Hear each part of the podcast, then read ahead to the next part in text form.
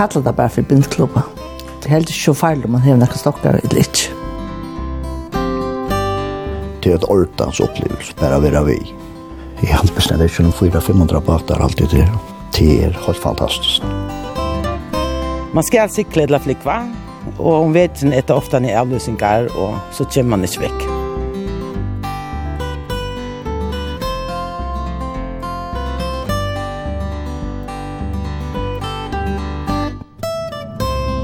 Gåan der, og velkommen vi Nuchan Tur.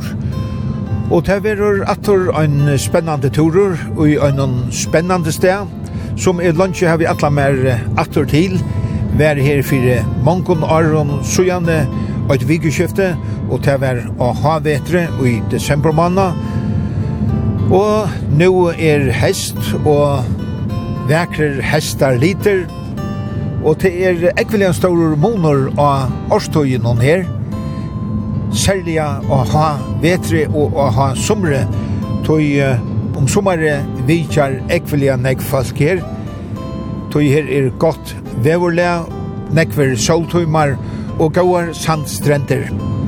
Og ikkje minst er det vekkort. Dette er ein ødj og i Estersjånen, sånn her fyrir Svørikje, og lengt Estland fyrir Danmark, høyast hun er pastor av Danmark. Hon verur ofta nevnt Klettaodgen, etla Sølsjensodgen. Hette er vi Tore og Tore og Bornholm. Ein Ridvuks dama som hefur bo her i nokkur år, skriva til mun fyrir, ja, nu er det flere år sjøene, og spurte om ikkje hei ho at koma en tur til Bornholm vi mikrofonene. Det var Hensia Einarsson, som saman vi mannen Finn hever bo her i en fem år. Og i siste vik ringte jeg så til Hensia og sier at nå har vi ho at koma til Bornholm, til nå fyrir at litja fire, i vi stater i Danmark korsene. Hun spurte hver jeg for at bekva, Så lengt var jeg ikke kommet enn, men det måtte jeg færre at finne ut av, sier jeg. Ja, men så bort du bare tjokken, sier hensia. Så jeg takker jeg og sier at uh, jeg måtte færre løya meg en bil at komme rundt vi. Du kan lene bil fra åkken, sier hensia. Og hva skulle jeg anna sia enn hjertelig takk. Så byrjanen er gau her av Bornholm, og blodskaperen er staurer. Hensia Einarsson og Finn Jespersen byggva her i A Kirkeby, og de er sinter inni i Øtne, og nå hever Hensia bindeklubb vi nokron føreskon damon som byggva her på Bornholm. Så nå fer jeg inn. Du atla jo, å få Jeg var i en arkivplantage. Ja, jeg kom her til. Men det var ofta populært for uh, att arbeta oj sån du kan som folk i puts och så har det för mig snack för ja eller eller hända undru ja ja. I Australien att han i Zeeland ja ja. Så hette er förrige penteklubben av Bornholm hensian ja tror nu är du kom vi penteklubben av Bornholm. Er her alt velkommen bindeklubba, altså, om det er konflikt la menn. Kallar det bare for bindeklubba det er helt ikke så farlig om man har noen stokker eller ikke. Man, man kan bæg, bæg ha stokker vi og ikke ha stokker vi. Alt, alt blir til. så det er bare, bare prata til oss og ha det hundra litt og et også godt sammen. Vi pleier å være en i åtta som er pluss minus som pleier samlet samles her er våre, da er innkallet til bindeklubb. Jeg fann på at for jeg får føringer komme samlet av sinter til at det virker som det var sin spjatt akkurat da vi kom her for fem år så ja. Og jeg synes for han kunne prate sammen, hygge seg sammen og ete forska mat sammen. Vil det ha selskap til at finne damer ikke vel sånne mat så, så, så kan jeg ete sammen folk som damer sånne vel. Det er gakkene bedre alltid. Er det lett å få mat ur følgen? Ja det er ikke problem. Man fyller bare koffert for man sted. Det er koffert. Nei, jeg kan ikke fornekke hvor jeg stedet ikke. Men jeg har det i en koffert. Jeg har et størst koffert her. Alt mål passer nå. Jeg anker kommer for kvart å selge fisk. Norfisk. Hun øyder Olina, den dama. Og den første fisken er den beste? Ja, han, han smaker altså bedre. Hitt smaker ikke ordentlig fisk. Det er maver av fisk. Jeg har står et fisk og rest sjøen. Man vet aldri når det her er fullt av sånn merskverdig noe skinnåtskass og skass og alt mulig. og nu nu sikkert alt mulig annet også, snø jeg tror jeg. Her er det ikke fisker etter, så det bør kjøpe ikke. Her er det ikke fisker å få. Og og Heidi Johansen, hva tar man til å være til Føreskan Bendeklubb? Hva tar man øyelig vel. Hennes jeg dover øyelig godt, hun er så blod, allt ut läckran läckran gåan förska mät så det är så hon lite så vi vi hon och hon och få prata vi tar ett sankhäfte så vi plejer synja förska sanger och onkel Binter och vi får prata vid det och som regel planerar börja lära det klockan 8. Og ofta blir klockan 8 om kvällen vi färd till oss. Det blir en hel dag som vi er. Vi tror mycket hem at vi tar det så godt til. Det er mycket hon det här att det knä. Så det er ikke ferdig om klokka blir sin nek. det er ganske nok. Og Elin Sørensen, ur havn, to borst øysen her i Åkirkeby, så en tvær minutter genge hene sida. Hva tar man til å komme i Føreskan bindeklubb? Å, det er godt. Vi får alltid gå om førskan med, og det er alltid spatosa føres sammen, og synsja. Ja. To bo, nekvar av Bornholm? Et vi er her bo av Bornholm. Og det er deilt at hens og finne kom for fem år siden. Ja. Det er glad for. Det er så just ofte. Virkelig deilt av Elin så tatt på. Hon og hon er mänga vi hänt och sen hukt ett hus nu så men vi ferrast vekk. veck.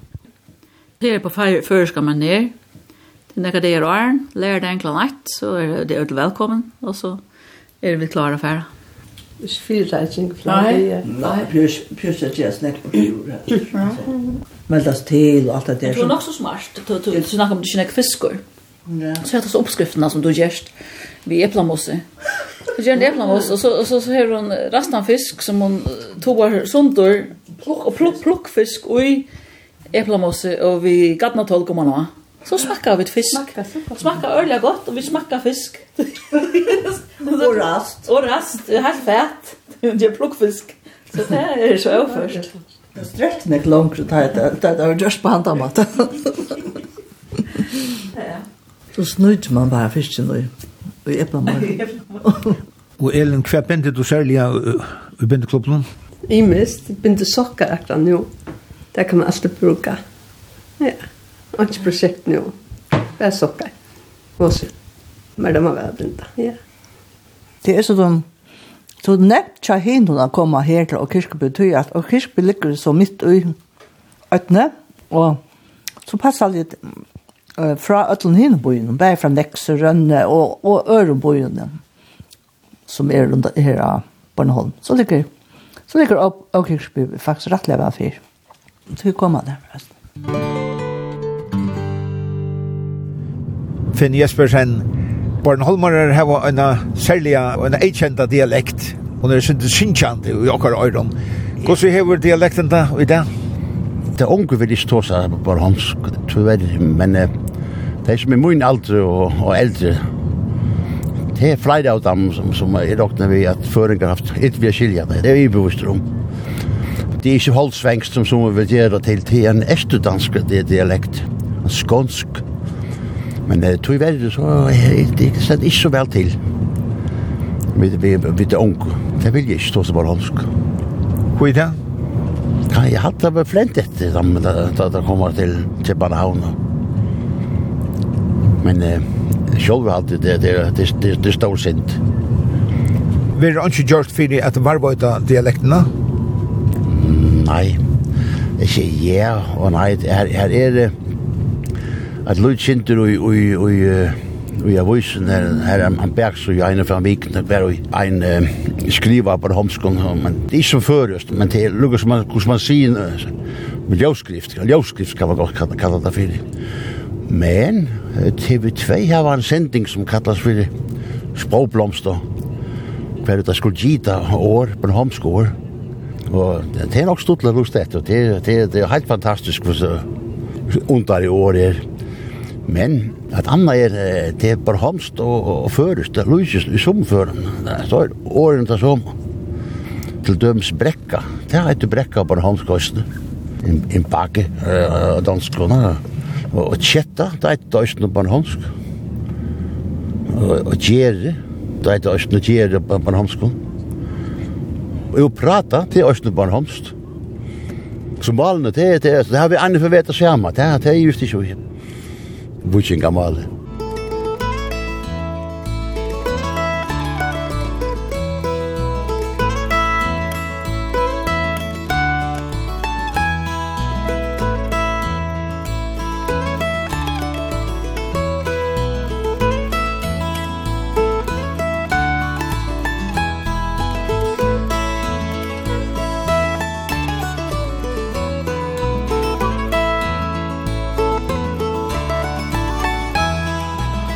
Hette er i Nexø, Havn 2, og her bor um, Merita S. Nilsen.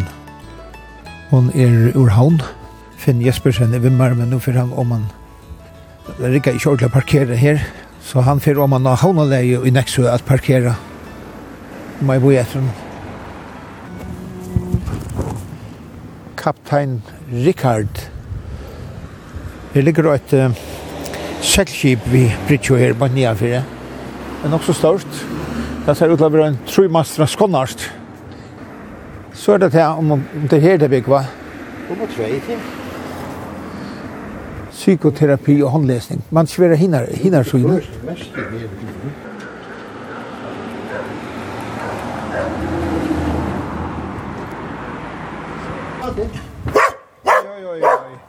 dag, Roger. Kom dag. Kom dag. Er mer där inne? Er Det är mer Merda, hvordan spør det til at du bort her i Nexø og Abornholm? Jo, det var så leis at vi bor i Søbergåbo Nekvar, Mæren og jeg, og døtteren bor i København, og så har vi en sånne klagsvøk. Og så flyttet døtteren plutselig til Bornholm, Vi ombød noen. Altså, det er jo en løgn til drenner av bøten. og vi skulle lykke alle några nytt. og så beslutade vi til å kjøpe hus her på Bornholm. Jeg får så lykke hjem en tur till förra jag lykke vita om græset var grön her i förrjun. Tar man bor vekk, da er så til familiefester og alt det her, Så tror man alltid, å god, jeg kan ikke glippe den här rikve. Så jeg flyttade hjem til förra jag och arbetade hemma och hjälpte. Så flott jeg nere til og at her er fantastisk. Her er så frialet. Her er så gasser en ofarlet. Altså Abornholm? Ja, Abornholm. Falskene er fitt og det som er genga vaklen og det var man hälsar på folk altså, alltså och för in och jag vill lucka sig hälsa och matas alt det man kjenner folk ja? og hva skal det aller beste er det er at jeg svimmer altså vi er vetra svimmare ja Jag alltid blitt omtalet. Jag svimmer jo ære runt. Ude på klipperne, som, som, som det blev sagt. Det är dejligt. hvordan du høyter og ære rundt? Nei, det er han ikke. Det er han sører meg ikke, nei. Men det gjør han ikke. Vi tar kaffetermokanna vi og kom. Så det er fint.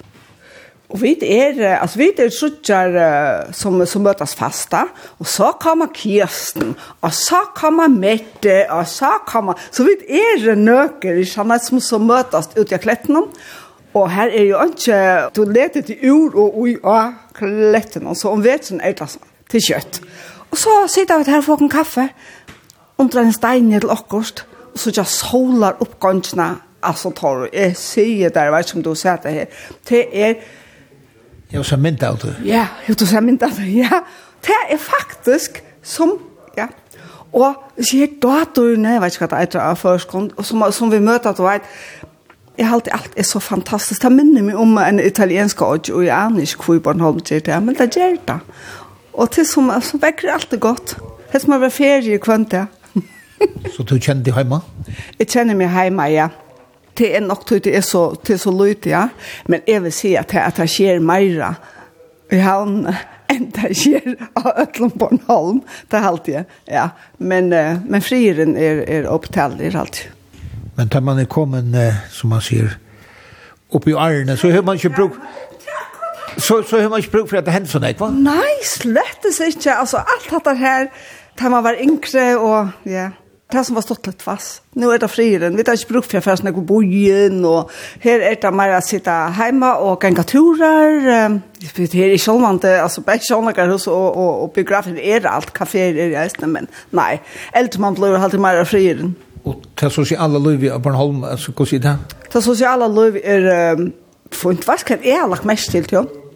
Det er, altså, jeg tenkte så lydes det, så kom alt hver en øren vidt, og så fikk man, altså, akkurat som hjemme før, og så kom man bare inn til en kaffemån og alt det. Men jeg undrer meg at jeg vet ikke, er her, du ser nesten ikke mennesker ute. Så spurte jeg en Bornholmer i arbeidsnavig, så sier du, altså, Jeg skal ikke tid ikke inn til hver annen. Nei, sier han, Bornholman, det gør Bornholman ikke. De holder seg for seg selv. Så der sidder ældre, og ensomme Bornholmer, der er ikke nogen, der kommer ind. Nej, sådan er, sådan er det at være på Bornholm. Så det er nok så pusset, er så pikkelyttes det der, at det ikke kan gå det, når jeg kvinner. Det gør det ikke. Men altså, det er kjøtt å få, få vindfolk av Bornholm, halvdige, her er det ikke problem. Det dreier seg simpelthen bare om at du selv blod, så, så fart du blodskap etter. Alltså man får alltid familjebesök. tror at Bornholm är så deilig, och deilig feriested. Så om sommaren liv och glada dagar. Du får nek folk av vidkjønner førjen? Ja, jeg får nek folk av vidkjønner førjen, og så har vi eisne Airbnb og kjattlaren om. Jeg har en leila standard kjattlaren som på sommaren. så møter jeg massar av folk som, som leier seg inn i kjattlaren om. Og de kommer alle stedene fra. Så till stottlet. Hur gott att vara. Och hur kommer uh, öjlen i folk? Hur kommer avmyndan i folk? Alltså om sommaren, det är att Det är så stor kontrast. Det är till ja, om veteren, tajt og färger tajt färger trafikken, så möter kanskje fyra bilene, alltså grovt sagt. Om sommar kokar allt kaféen er öppna alltså folk tischa ut här er och turisterne, alltså tyskare svenskare you name it alltså och, det er fyra gånger såna alltså alt blir så oamintligt öppet och kanskje er det trutja för när förra finnas när folk bare nexu som det annars är det till går lov och massor av folk ut. Det ger jag faktiskt ganska nog så näck utan dåra för att bli slå Lukas om. Här var en fest. Så färra den han hur stor en för ötna. Hon stor en stor en ja, helt sikkert. Nu är det hästferie och tar det tyskarna som kommer i snö. Tar Lukas som lockar balle. Ja, så det är näck tyskar som kommer. Och tej är det nekka för om vikna arbeid, ja, nekka som spar loppan till genbro og så og det er svøk etter sälja jolating. Ja. Så vi tar massar av av tyskaren som leit etter jolasak. Og i endernusle handle. I endernusle handle til såleis. da heter, da jeg bor for landet nyrre. Ja. jeg kom i eisen sammen med føringen. Ja. Og det er faktisk nok snakke føringer av Bornholm. Ja. Hver av dem som er svimje sammen vi her, den ene, hon er ur Moa i heil, og den hin er um, halvføringer eisne, så det er også stått litt, altså. Vi er i atlas den. Ja, halv og heil og kvarst. her nekse og på en Holm til hele tid. Det er ikke enspent vi at ikke skjer nækka nækka, men her er så trygt at altså, skulle vi ta en tur til Rønne og Ærastjane, så leser vi ikke horene. Altså, det er fullstendig avnøyet. Da bygger vi det med på innan her. Ja, vi bygger som er mitt mitt på innan. Ja. Och jag vill nästan se att alltså att ta i alltså är vana på landaven och självt om natten av landaven det trafiken va. Här mitt på innan nästa kanske har jag en två bilar om natten and that's it. Så här är frihet och här är tryggt. Det må man säga. Alltså det som är alltid eisen är så så längst det jag vet inte hur jag halta men det är her av Bornholm, eller utenfor her nekst, så, så sørst du husene, og så sørst du kanskje portet, det er ikke som så at du ser havan. Og man finner til å si, god vidt hva det er, tar du så for inn i kjøkken portet, så er det Det er mest prakkfulle havar som er innanfyrir. Men det kan du ikke vite nekka som helst til å gonger her ute. Og, og tank der til, her vekser fikentrø. Ja, og fiknar her på en holm, Tær er det super duper du godt altså det smaker der har. Jeg vet ikke, jeg vet ikke hvor nærkast stedene her til fiketre og plukka der nærkast. Men da men da må ikke fike. Men men alltså husen standa helt ut i i i gatan som man ser. Man ser inte några ostagar från vinden. Ser onkan ostagar. Så så skal alltid umynda der, God vite hva er innanfor Porsche. Og er så så til man kommer inn i paradis ofte. Vi ser her helt frielig. Og det som eisen er at uh, gær gærhavene, altså, det er så tatt. Så tar vi det ut i havene, og føringer vi, altså nabikvann tja, mer er omkant i tvil om, tar vi til besøk heimene fra. Vi tar høyrast flere retter, og man og nian, etter vi snakker harsta. Men, altså, Da må man takke hensyn, til høyre høyra kvært og hine siden nesten, så man skal eisne doa til at Jeg har i tatt det. Og hva skal lov, nabokvannet og myndelig fisk. Og så har vi det ene, hun, hun byr, så hun gjør honning selv, eller hun angaita. Så det er alltid godt å kjenne, kjenne sånne folk, og hun angren smaker også myndelig godt kjøen. Ja. Så her reiper man ikke av sin noen årsagere? Nei, åpenbart ikke. Det gjør man ikke. Nei, gonger stidtlån. Faktisk er det nok så frielig på en hånd, man til reiper ikke så les. Nei.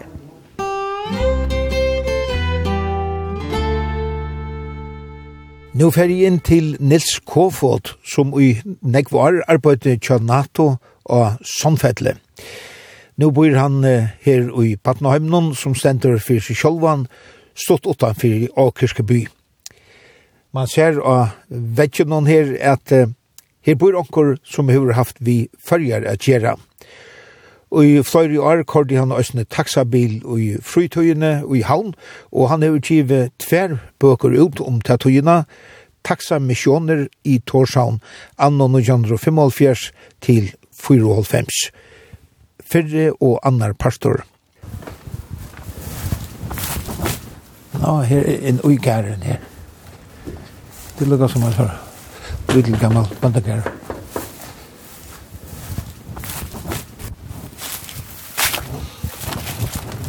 Jeg er født opp av her. Jeg er i 80'erne, to-tre år før min mor døde. Da kjøpte jeg. Men så bodde jeg der over i flere år jo, for det, jeg, jeg, det var mens jeg arbejdede på ferie, jeg købte jo. Men så hadde jeg god tid til at sætte det i stand jo, så behøvede jeg da fra så meget på en gang. Så strækte jeg der over 5-10 år jo, for det var mig, der skulle vedligeholdes og laves så. Ja, ja, så det var sjovt Jeg hilser på deg. Ja, lige mod det. Jeg kjørte taxa deroppe jo. Ja, ja, nemlig, ja. På Busserne, de kom fra lufthavnen og så inn der til Torshavn jo. De var fra SO-stationen eller det var interessant jo. Ja, og så sett du har skrevet. Ja, nemlig, ja. Nå, for tøvende. Ja, jeg er jo ikke sånn avslørende eller noe som heter, for det, det hadde ikke gått an, jo. Jeg måtte jo ikke avsløre noget. Tavshedspligt? Ja, nemlig. Ja. Nemlig. ja, ja, ja. Jo, det var meget specielt dengang, og på grund af spirituslovgivningen, og de måtte jo ikke tøve noget deroppe, hvis de skyldte skat jo heller. Og så, det var derfor, der var mange gange, jeg tøvede rundt med nogle unge mennesker, de skulle rundt og se, om de kunne finde et sted, hvor de kunne tøve noget. Jo. Så her har du boet siden du kom hjem igen? Ja, ja. det har jeg. Men øh, og jeg var jo andre steder også, efter jeg kom fra ferierne. Jeg var jo også i Skagen jo, når nu.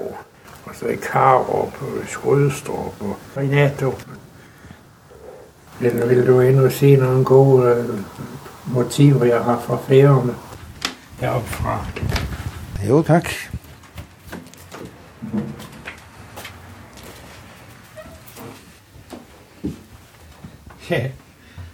Så her har du tjaldur. Ja, nemlig. Og se det er de fyrst menn Ja, ja, ja. Lasse S. Lasse. Ja, Lasse, ja, nemlig. Ja, ja, ja. Han var god til å melde fole. Ja. Det er kultur, ja. Nemlig, kultur. Var du betalt av den färöiska natur? Ja, det tar mig meget, jo. Jeg Jag nöjde faktiskt. Det var sådan ret alsidigt, men hvor er der sket nogle forandringer på kort tid, då? Ja. Lige efter jeg havde udgivet bogen der i, i uh, tre, fire år efter, at jeg gik på efterløn, så var jeg deroppe en tur jo, og afleverede noget hos boghandlen deroppe. Det var helt utroligt. Jeg kunne næsten ikke genkende det igen, du. Der var sat med kommet så mange flere hus og vejkryds og oh, hav, hav, hav, du der var kommet øh, også Torn Løjo fra den ene ø til den anden, og, og søren du. Så du er født her? Ja, det er jeg, i 47. Ja. Og øh, jeg er den eneste tilbage, for jeg var den yngste af fem søskende. Og der var så mig 6-7 års forskel imellem mig og så min yngste bror. Og jeg, jeg flere gange så sagde jeg sådan for sjov, ja, Takket være russerne forlod Bornholm, blev jeg født. det skulle far i Røstå. ja, nu kan du se, der var mange gode motiver heringe. Det er færgerne over det hele. Ja, ja, ja. ja. Du sendte nok med det, du. Det er jo Surøy, ja. Ja, det mener jeg det. Jeg tror, det er i Kvalpa. Ja. Ja. Så færgerne følger mig, at her kan jeg se. Jo, men det er klart, fordi jeg er boet der i mange år, jo havde mange gode specielle oplevelser. ja, ja, ja. Ja. Jo. Men som jeg kan forstå, så er det ikke de unge i dag, det er ikke alle, nej, som, som kan... snakker nej, Bornholmsk. Nej, nej. Og der er mange, de forstår slet ikke Bornholmsk engang, du. Nej, Det er sådan noget, selvom deres forældre er Bornholmere, så snakker de lige ikke Bornholmsk. Det er efterhånden sådan, du, at de må faktisk kunne snakke Bornholmsk i, i skolerne mere jo. Nej, de skal snakke dansk. Hvad synes du om det? Nej, jeg synes, det er noget lort og fortert. det synes jeg godt nok. Der er en, ja. fly, en flyvemaskine. Den har jeg fløjet. Har du fløjet den? Ja, ja. Jeg har også fløjet den der. Jeg var i USA. Jeg var i USA et år blev uddannet som pilot. Der er stort nu del af det. Så du var på færgerne som pilot? Ja, det var jeg også. Og taxachauffør? Ja, ja. ja, ja. Hvad var du specielt imponeret øh, over på færgerne? Ja, det var jo øh, den, den måde, man øh, levede på, sådan noget jo, ikke? Så ja, det var, det var ofte gode fester og sådan noget jo. Ja, for hunden. Med god musik og... Ja. Ja, ja, ja.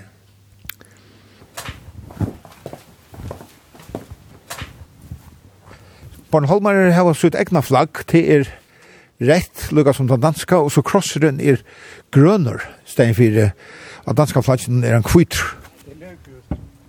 Ja, ja, det er flott. Nils hevur um, fyrjar alla stane som han sier bei ute og inne. Her at vi lenka vekk her. Ute er uh, størst kjaltor, som stender i sjånen, og så er det nekre kveler.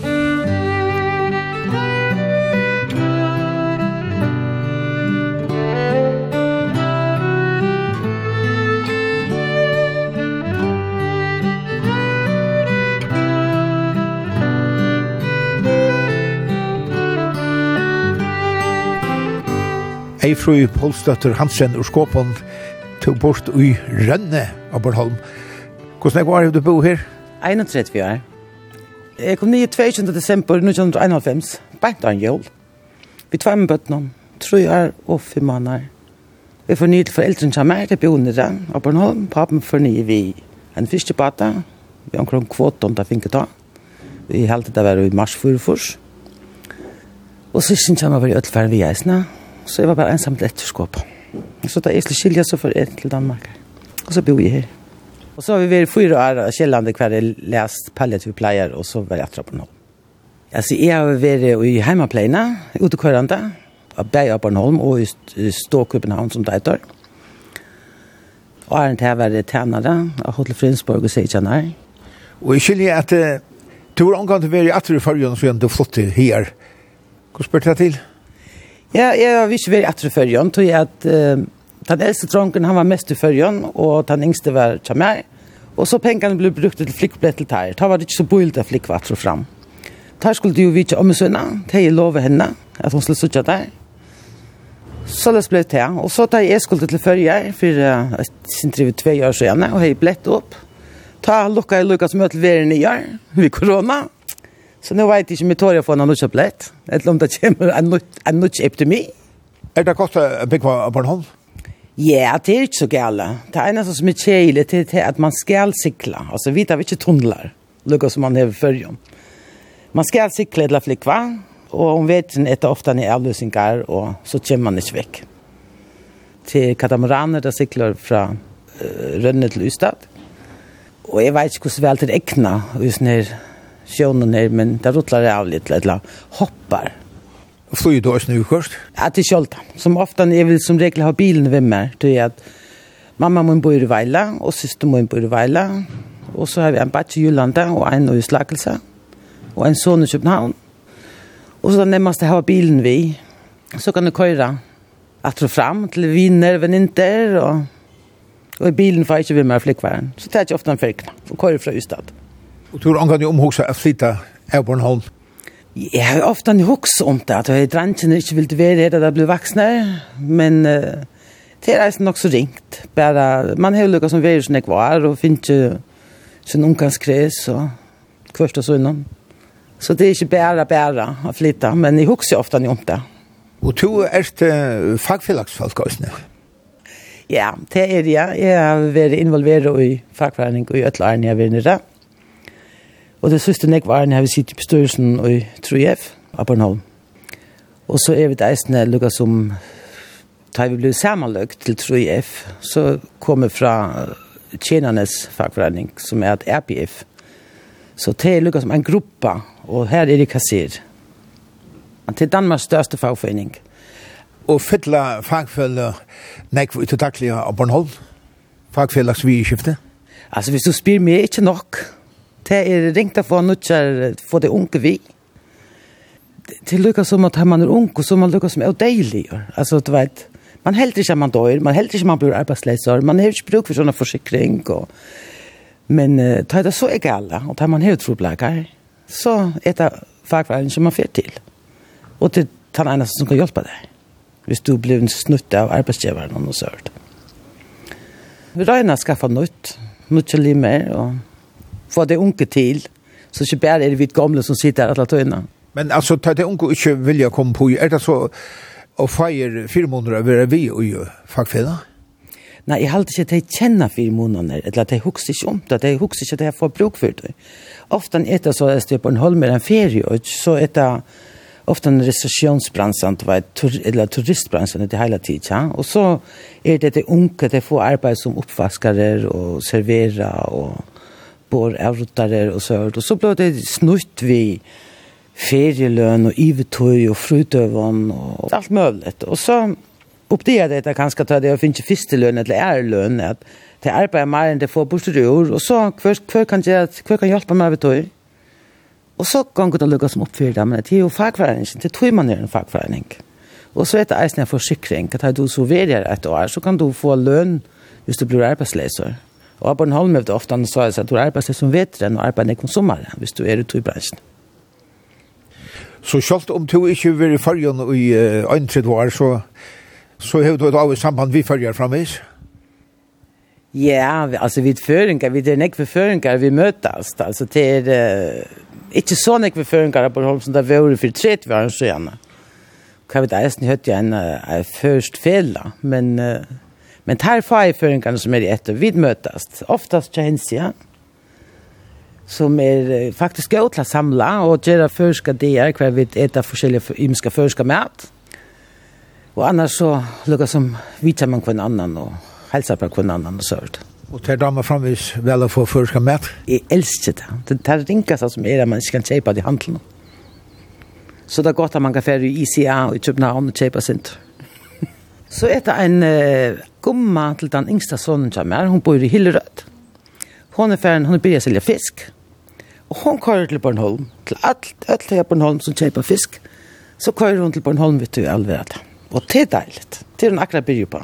Og Lina Jegerskård. Det er uh, kalva, fiskefrikadeller, knetter, lipper, laksor, tjolkar, rastefiskar, husa, rætjer, You name it. Jeg halte, jeg halte ikke det er som man ikke kan få. Det er alt det gode føreskatt du kan få. Og hvordan vi kjærper kjøttet til damene der fremme, vel? Ja, det er fremme man ikke fatter det her. Onken tog er det ICA skriver onken til Facebook at det her var. Og så kan man boilegge det og komme etter det. Men det ligger i København. Og i fritøyen er i golfere. Jeg har spalt golf i Seitjan et eller annet.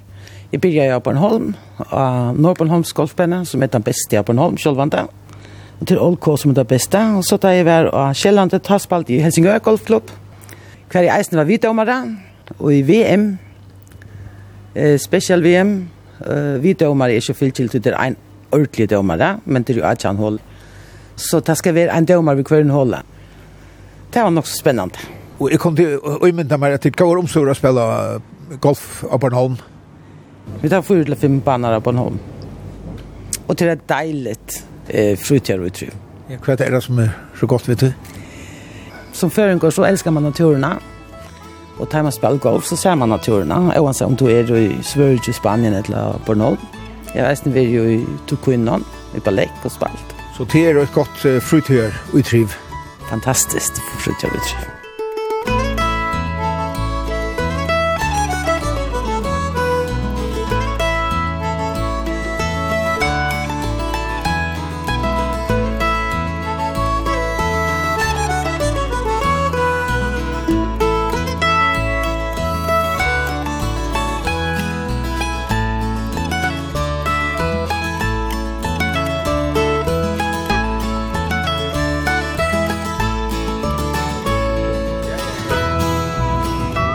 Finn Jespersen. Hvordan stor er Øtjen Bornholm? Halt 500 festkilometer herom. 120 kilometer rundt. Fram vid stranden. Her er et vedskjelt i, i, i Allinge. Her stod 36 kilometer, og det mener jeg er det største avstandet. Du skal køyre på en løs i midtlen, plass? Ja, det, det er mitt Allinge og Nexø. Sjeoltrus, det mener jeg det er det største avstand du kan køyre. Det tek kan utan en time, en time stod. Du kan køyre øyne rundt, og tenker 2000 timer. Vi er vanlig fer. Det er nek som syklar rundt øyne, det er øyne på beverst. Sykkeltur. Jeg siste min, hun tjekk nå fram i stranden her i sommer. Hun er med henne. Og det tok da man en vikstøy. Jeg kan gå rundt, ja at bo i Allinge. Og så gikk det bare sier 20 km den ene dagen og så om bussen til huset Og så morgen etter så tok det bussen her som der var kommet til kvöld til fire og så gikk det vi gjør herfra. Og tok det akkurat denne vik alltid. Bytte gåen vekk, og alle her stukket seg ved en nøstene. Ja, her er ikke nek fersla i det. Vi møtte ikke nek på bilen, men jeg kan huske meg at her Ørvus og Hasomre. Og sommar er øyligt. Det er meg fortalt at, at om sommar at det kommer og færa 20.000 folk om dagen. Og det aller fleste, det er ikke 20.000 bilar, men det skal nok komme en, en, en 4-5.000 bilar om dagen. Vi ferkene fra Ystad. Det er fyrt, fyrt sjølvande opp Så det er øyelig fest om sommar. Jeg hadde de aller fleste skolar i Danmark, da det gikk en gang kjenta flotje, så skulle det en skola utfer, og det som enda som regel på Holm. Det er heile felgare som, som er lasta i vi, vi, vi, vi, vi skåleunger, som det, som det sier her. Det bygg bare leieskål og, og hva var det. Så det, det er 18 år, 18 år sommerferie, sjålvande. Ja august måned. Det er første arbeid her, det, det det var litt annet å, å, å laste koffert og så det skulle de bare fergene. Det kunne ikke ha koffert vi past opp, opp vi. Så det ble lastet på sånne små vognar i kajene, så ble det kost ombord. Det var sånn en, en, en fyra-fem vognar alltså fullasta vi koffert så det var öligt arbete vi stod var fem man så och stod i jag ser jag ser i kofferten på här så det, det var det var länge det jag man har länge armarna där man kom till huset.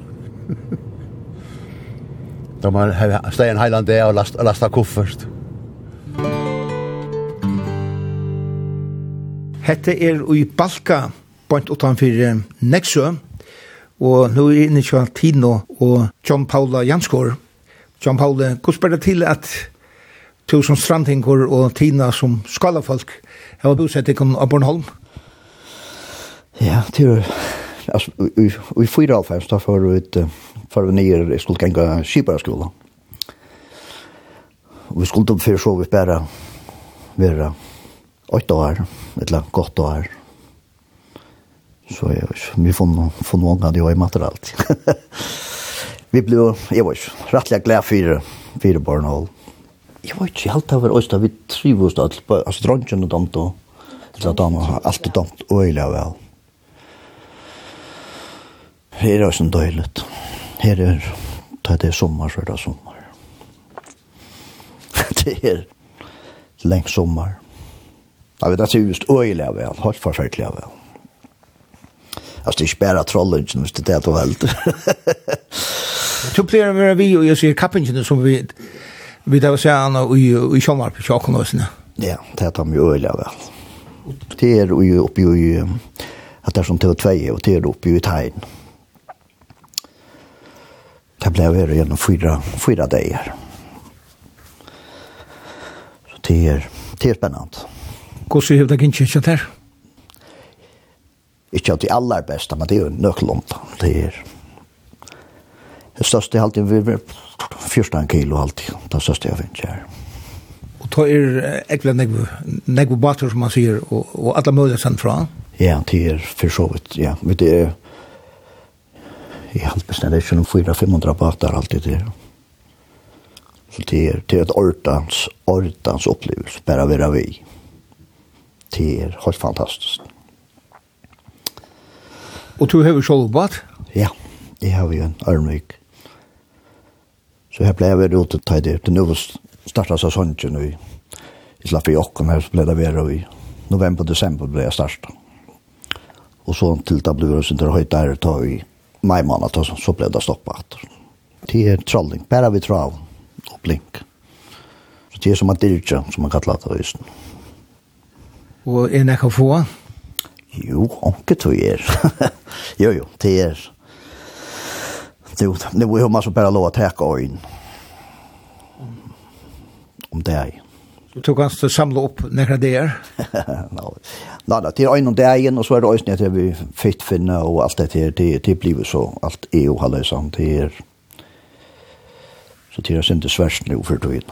Så avmärkningen är blivna nekvar? Nekvar. Och det är det samma som ska ut att bilka taskla. Så är det bara en task man kan täcka. Så det är till att lösa ett eller annat upp. Mm det er nesten bøyligere affære til fiskehandel her. Og Tina, du komst til Atana?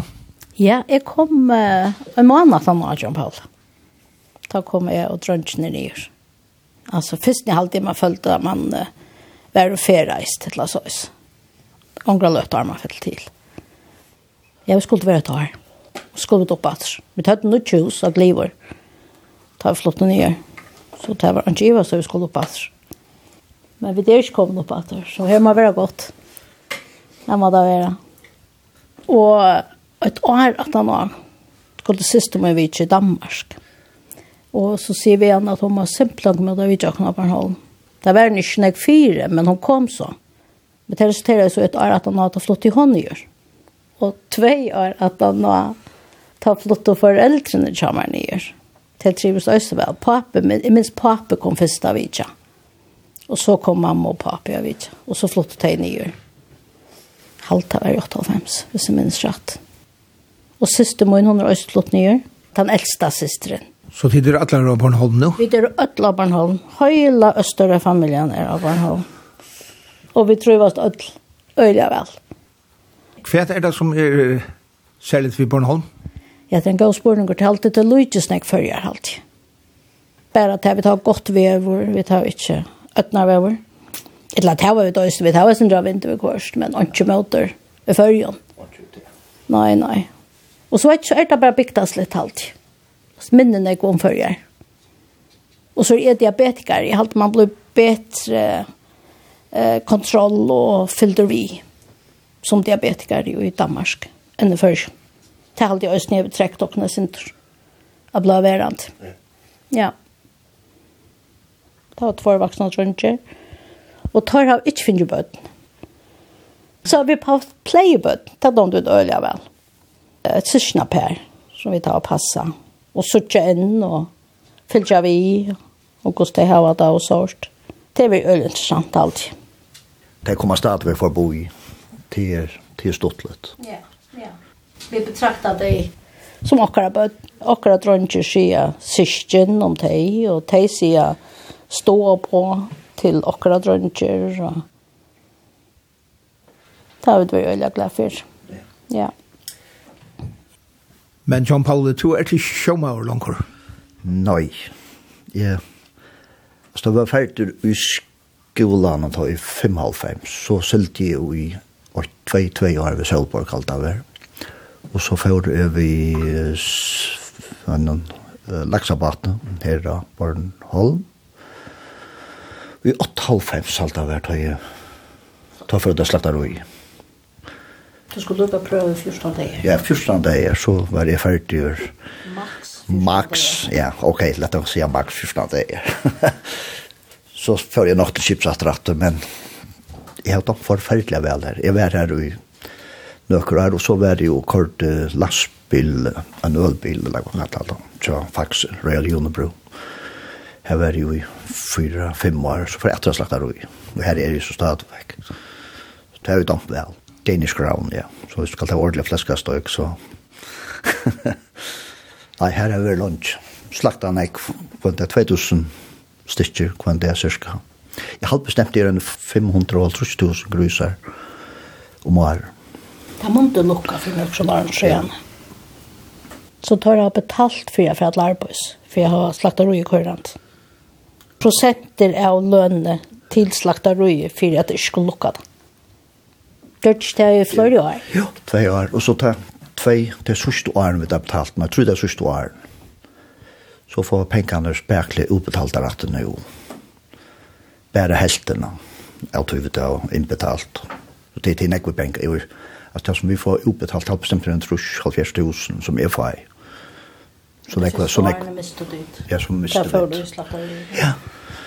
Så tid meta at det er større antutning fire øyne at heva slakta slakterøye. Ja, holdt forferdelig. Så tid er om man for 200, 200 folk som arbeider på det. Det er en stabilt høylårs arbeidsplass. Det er så nek som bare er sommer arbeidsplass. Jeg bare, det er turismen alt. Ja. Det er nesten som det er over natt på en halv veter og sommer. Ja ja, så nu, nu, nu kort i bil, lastbil ta det som uppe i, uppe i Norrland här är så förfärligt när vi turism och så är det. Och en sommar så var alltså bilar var simpelt en smäckfotler. Och jag var ju en tutsch 15 20 stopp. Och då så vet det ner så var det kanske 8 och 2 stopp. Så det var helt förfärligt stora månader då. Det är det samma här nere då som vi bekvann nu. Det är allt sommar som de har maken här. Mm og er, er stu stappa vi folk så tar det er. Og spægestrand tar det godt ved over. Det er, så det er, det er fantastisk. Bare genga tur om man og måten her og æren at folk så ser. Det er simpelthen så lekkert. Men kan det ikke være å streve? Jeg vet ikke. Jeg kan ikke rive det. Man gonger bare æra stess, eller så. Man gonger ikke bare i her som et lander turistene er. Jeg helst ikke man kan ikke rive det bara som her, ute i hövsvinden här. Här øyler jeg folk, men så för hända av jeg. Så tar man ut på samma måte, som man finner. Och det gamla man möter hvis vi flott och här. Det er søtt og ösne. Jeg minns till og hanta veien, och at Det blir snäggt och øyler Öjlar fitt. Ja, förklara dig. Jag är ofta näksam. Jag är besökt att vi kan gamla man och ätleshöjmen för exempel. Rickard. Rickard Han har vi kjent, og jeg pleier å kalle mitt ektaskap. Eller han sier videre og gift, vi har vi kjent til 25 år. En ordentlig, ordentlig særlinger som bor i Edsøvnen. Han ringer, det er ikke sånn i Europa og skjelter. Det er nekve særlinger og Østnja av Bornholm. Det er det. Hvordan vil du lyse Bornholmere? Alt øyelig fitt folk, det vil jeg si. Det er kanskje sint lukka i. Ja Men det kom føringar østene være halvt. Altså, østene her, da vi bor i Kyrskeby her, var østene en øyla fitte gammal maver, en nabig med, som nu akkurat i deier. Han var øyla fitter. Kort i en gamla bil fra trusjonen. Han kjøpte sin första bil i øyne trusj, og den neste i truje trusj, og han korte der Høtland øye, der så mobilene. Akkurat deier, til ikke en mann, sier han. Ja, arbeidet sjolver på bilene her vi lukka helt og ja, det er nok ikke nek. Varme setter nå. Ja. At han har akkurat til seg han alt. Så var setter noen høyt. Ja.